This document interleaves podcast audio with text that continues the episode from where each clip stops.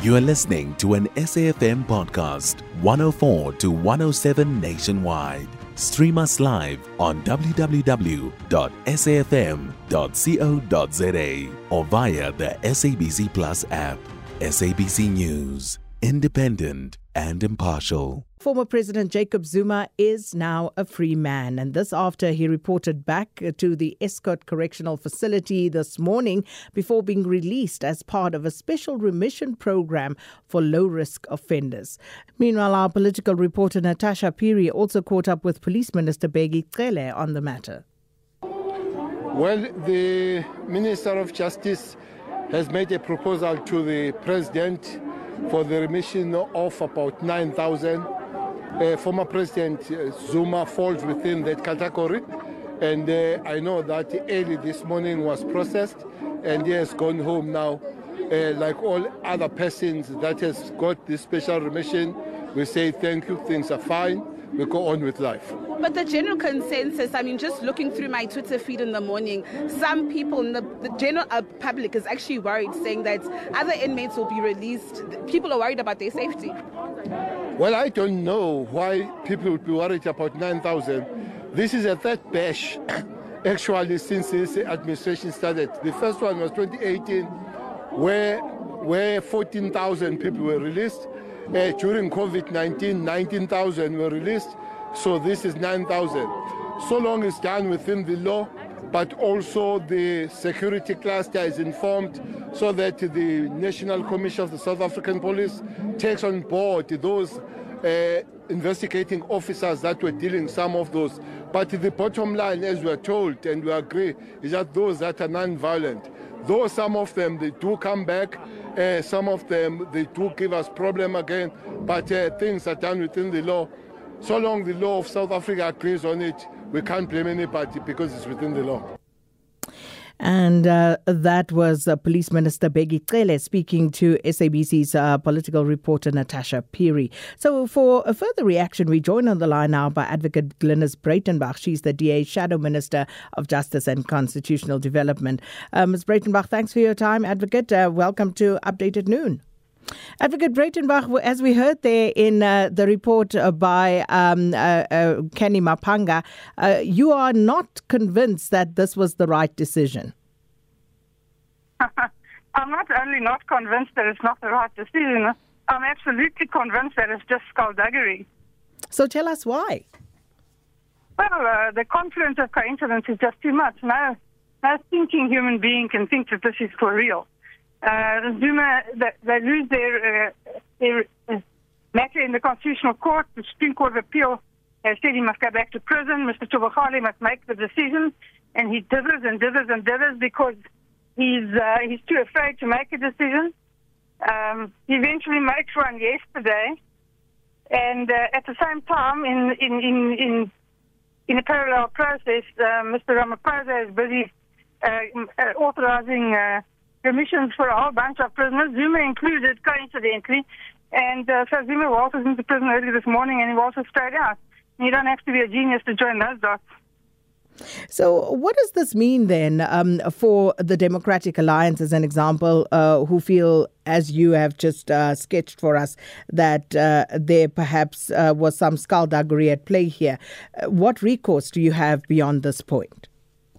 Well, we're looking right now at, at the legislation. We've asked for the records of decision. Uh, we'll uh, continue to take proper advice, and in all likelihood, we'll take the matter on review. And the reason for that is simply that it's set a really dangerous precedent. Has, the ANC has, has played their hand. They've made it very clear this is how they're going to be dealing with uh, all of their cadres who get convicted for state capture, for Zuma when he gets convicted of the, the arms deal trial uh, on corruption, this is how they're going to deal with it. They, you know, they'll use periodical uh, remissions granted and nobody will go to jail. I mean, it's an absolute disgrace in South Africa. Should be outraged.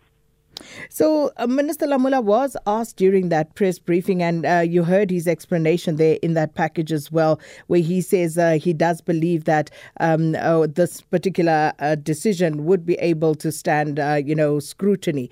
Do you believe it will? And if not, why not? As I said, we're busy looking at it now. We'll have to look at the records of decision.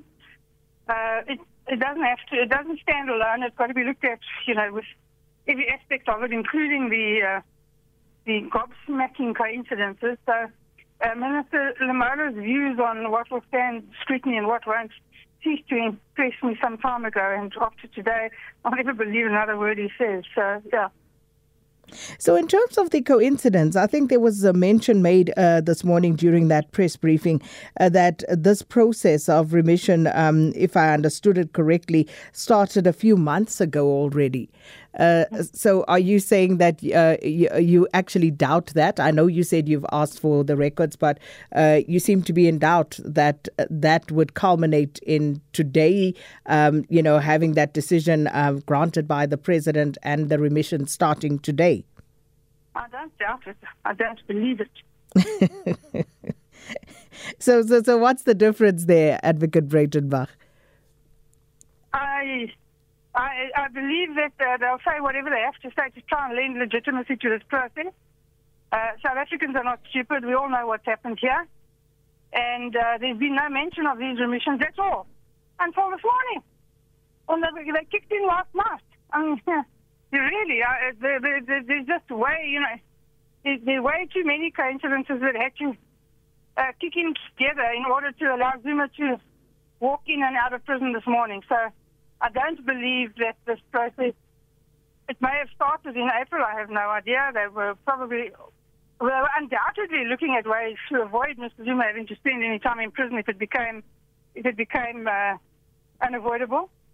Uh, but that doesn't, that doesn't mean that the process is a legitimate one. And my view is that the process was designed in order to allow Zuma to go free. Uh, and because they can't do it only for him, it now means that uh, nine and a half thousand convicted criminals are going to be let loose from the South African public. And um, we will leave it there for now, Advocate Breitenbach, but surely we'll follow up with you once you've read through those papers, uh, once you've received it, and uh, follow up in terms of where to next uh, for the DA in this matter. But thanks for your time, Advocate Glynis Breitenbach, there, the DA's Shadow Minister of Justice and Constitutional Development. Her sentiments absolutely clear, uh, says it's way too coincidental uh, how everything just played out and uh, fit very neatly together this morning. So, for further analysis, we join on the line by legal expert Mpumelelo Zikalala of Zikalala Attorneys. Mpumelelo, thanks for your time. Welcome to Updated Noon. Let's start with this whole process and um, people being released on remission. So, again, maybe we haven't been paying attention, but uh, yeah, I think for a lot of South Africans, this was again an opportunity to be schooled on some legalities today. Mm-hmm it is a process which is available and at the discretion of the president. It's one of the powers which are allocated to him by our constitution. But one would expect that whenever a decision is taken by the president, it is taken after three things have been complied with. One, the decision must be lawful. In this case, the constitution gives him the power to do so.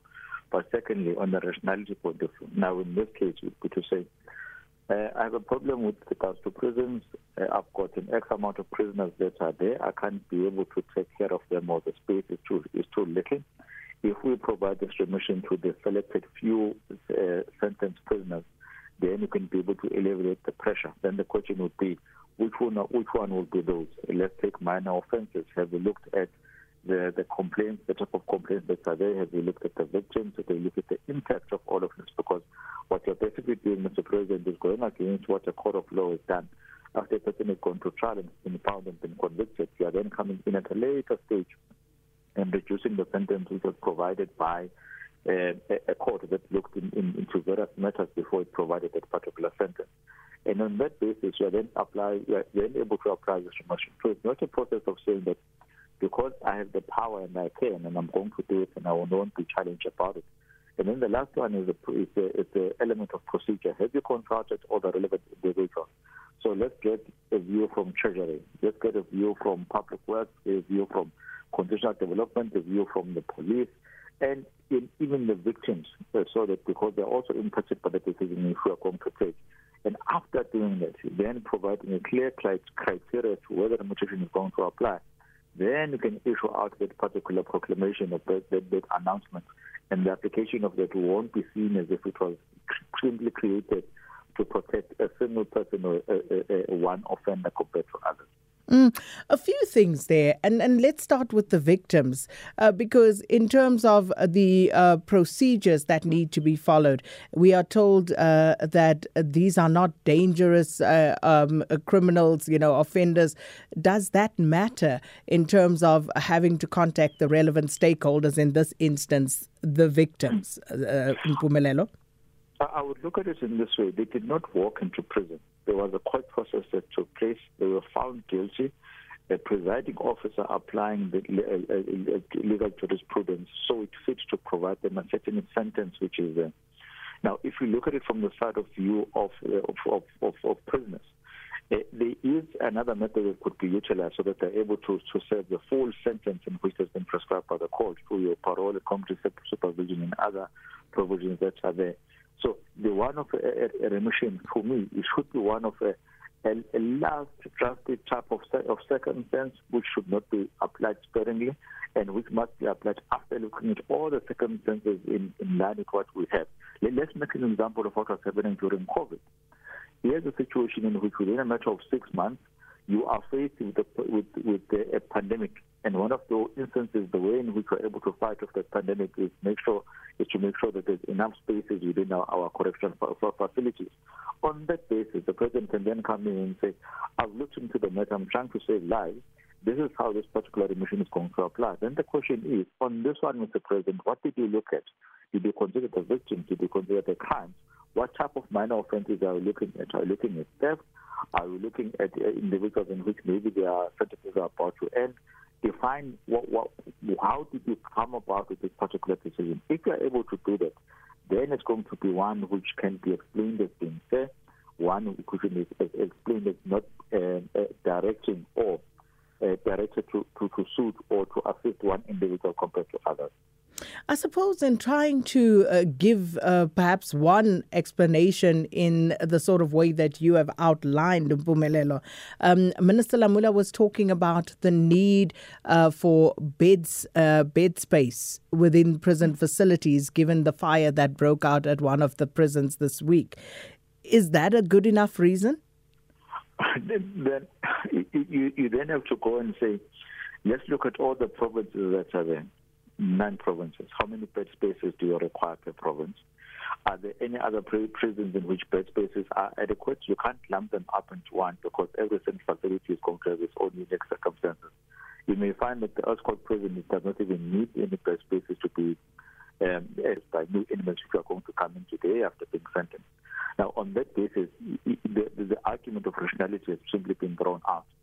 And that's where the rationality point of view then comes in for me in terms of saying, Yes, it is a, a power and, and, and ability or a button which is available to the president, but when to press it and when to utilize it is the most important one because all this has to be done in a rational sense and in a reasonable sense, and it must it must it must say, I'm utilizing this particular tool because this is a certain objective I want to be able to meet, not for an individual, but for the greater community at large, and also for the interests of South Africans, which have been charged to protect at all instances.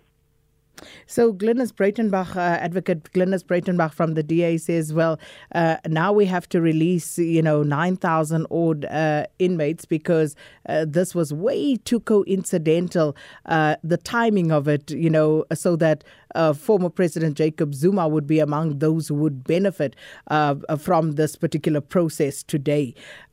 do you think that that's, you know, a reasonable assessment of what has happened here?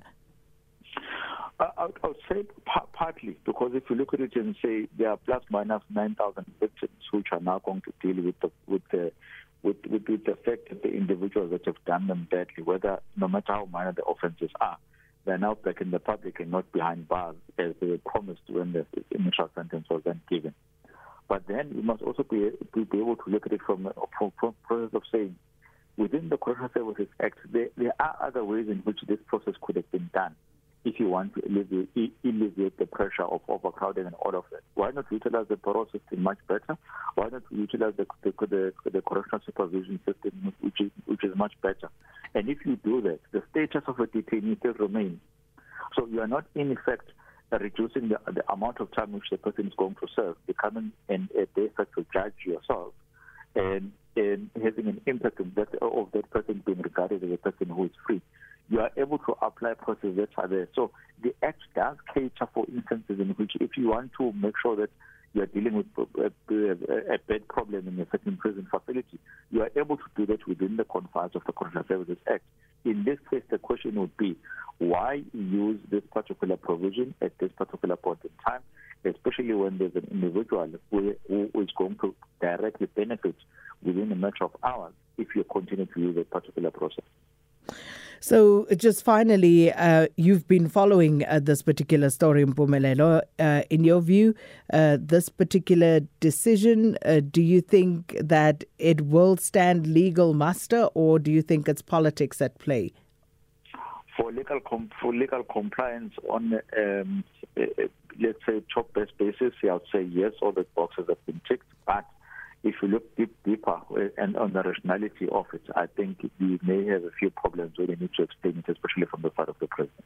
Mpumelelo Zikalala, thanks so much for your time. Our legal expert there from Zikalala Attorneys. You can find SAFM Current Affairs on 104 to 107 nationwide. Our podcasts are available for download on all our digital platforms. SAFM, leading the conversation.